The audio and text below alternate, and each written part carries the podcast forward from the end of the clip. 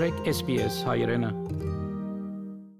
As we heard in the interview with Richard Petkovic, several Armenian guests from Yerevan will perform during the Sydney Sacred Music Festival. The guests are from the Nexus Center for the Arts in Yerevan. Dr. Graham Sattler, Executive Director of Mitchell Conservatorium, will give us more information about the Nexus Center and the guests from Yerevan. Dr. Graham, welcome to SBS Armenian and thank you for accepting my offer for an interview. Thank you, Vahe. It's a great pleasure. Uh, first, about the Mitchell Conservatorium, how the lockdown has affected and is affecting the activities of the center. It is affecting us um, to a large degree.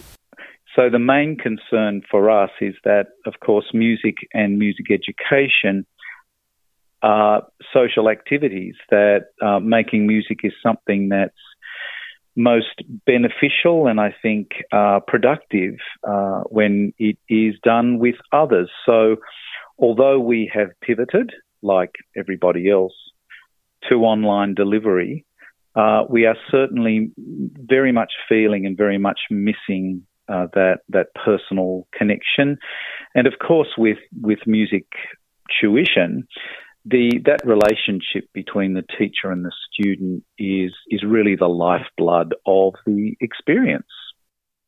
Could you inform us about the Nexus Center in Yerevan and your connections to Armenia? Yes, so the Nexus Center in Yerevan is a very special place. It is a community music education organisation that is run by Anna Mikhailian and I came across the Nexus Centre in 2018.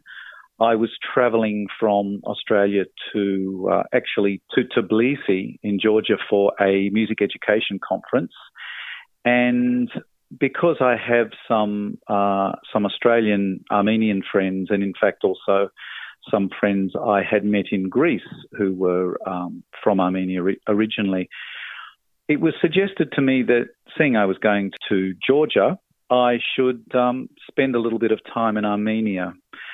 I also spent a lot of time in, in Willoughby and uh, and so had quite a lot of um, sort of friends and, and, colleagues who were Armenian. So in 2018, I thought uh, I will go to Armenia and because I'm a music educator and my academic work is uh, is in community music education and all of the benefits that people get from that, I started to explore and investigate uh, activity in Armenia, activity in Yerevan particularly, and I discovered the Nexus Center for the Arts. So uh, when I was in Armenia in July 2018.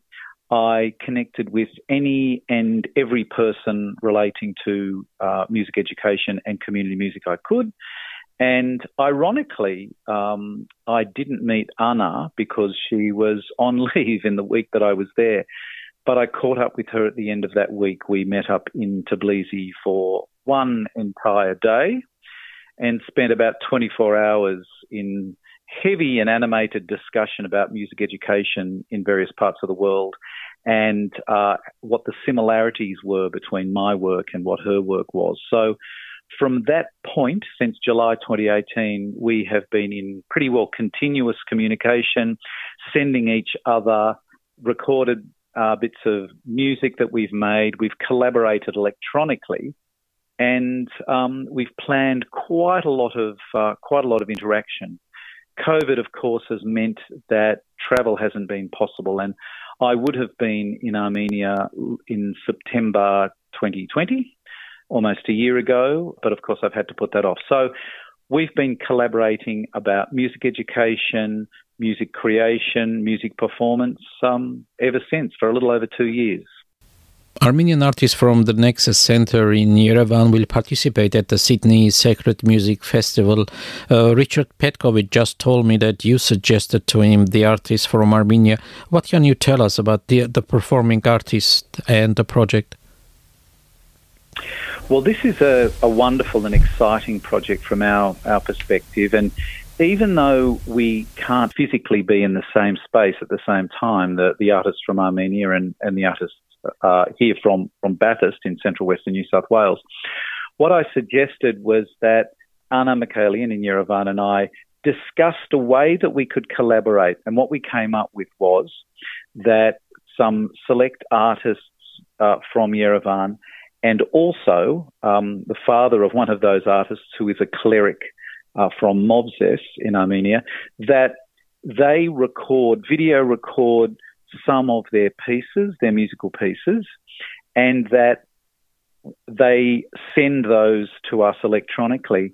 And then five of our musicians from Mitchell Conservatorium would respond to those pieces. So we had five pieces coming from the artists in Yerevan and the five of us here in Bathurst in the same space at the same time. Uh, rec- we performed in response. So we improvised completely. We made it up on the spot and we played the videos of the Armenian artists and we played one of those at a time on video and audio and we responded and then we filmed that whole collaborative effort. So what people will see when they watch the broadcast of this piece, they will see a 30 minute piece that will cut between the Armenian artists and we, the Australian artists, and they will see some split screen. They'll be able to see and hear us playing together, but that will be a recording of us playing in response to the Armenian music. So what we'll present is a cohesive 30 minute piece that includes both the Armenian um, artists and those of us here. And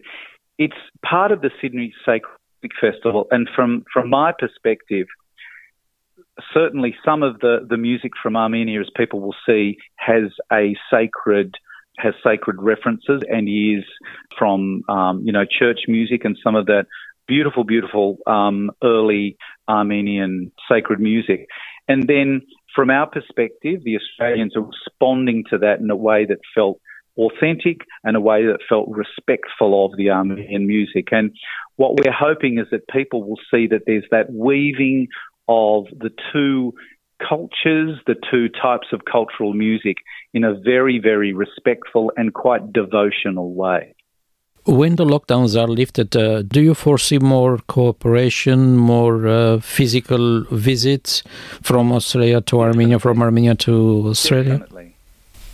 Definitely. Look, we have a connection now with uh, with Armenia and with Yerevan, I suppose, in particular, but that's only because that's where the only part of uh, uh, the only you know major part of Armenia that I visited. But we have a, a connection between uh, myself and Mitchell Conservatorium and um, the uh, Nexus Centre. I certainly plan, um, as I said before, I would have been there in September last year. As soon as we're able to travel, I will visit Armenia and will take up some sort of re- residence for a period. As an educator, I'm very, very, very keen to learn from what is happening in community music in Yerevan, and I'm very keen to bring those learnings uh, back to Australia and for us to have closer ties um, with Armenian culture, Armenian musicians, Armenian artists, um, and Armenia in general. It's a very genuine connection, and it's something mm-hmm. that musically I'm finding very, very beneficial in terms of creativity and, and spirituality. Dr. Graham, thank you for the interview and the information about your connection to Armenia and the Nexus Center. It's a worthwhile project. Thank you, Vahe. It's been a great pleasure.